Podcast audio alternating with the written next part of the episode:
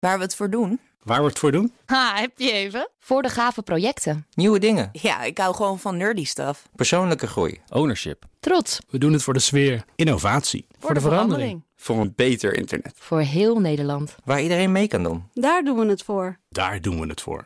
Waar doe jij het voor? Kom werken voor KPN en groei op jouw manier. Check de actuele vacatures op het gebied van data, security, development en networking op jobs.kpn.com/tech. Ik ben Carlijn Meinders. Dit is Wetenschap vanavond. Bij een deel van de vrouwen met borstkanker is het verwijderen van de gehele borst of borsten de beste behandeling. In sommige gevallen, zoals wanneer blijkt dat iemand genetisch een verhoogd risico heeft om borstkanker te krijgen, wordt dit preventief al gedaan.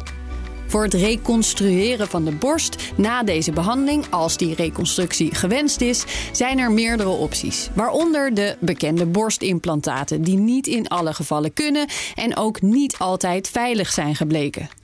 Ook kan huid- en vetweefsel uit de buik worden gebruikt.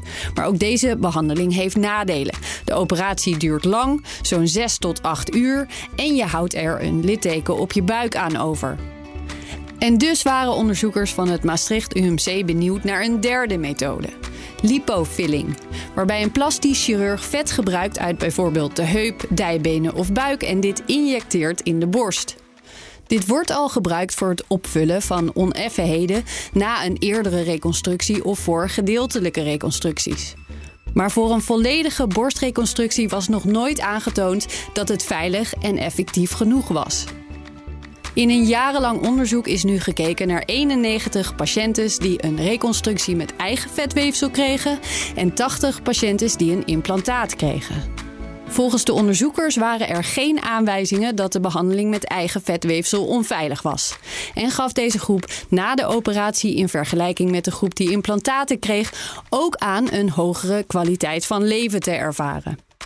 Het Zorginstituut Nederland heeft nu besloten dat de behandeling vanaf 1 januari 2023 onder voorwaarden vergoed wordt. Is één minuutje wetenschap niet genoeg en wil je elke dag een wetenschapsnieuwtje? Abonneer je dan op Wetenschap vandaag.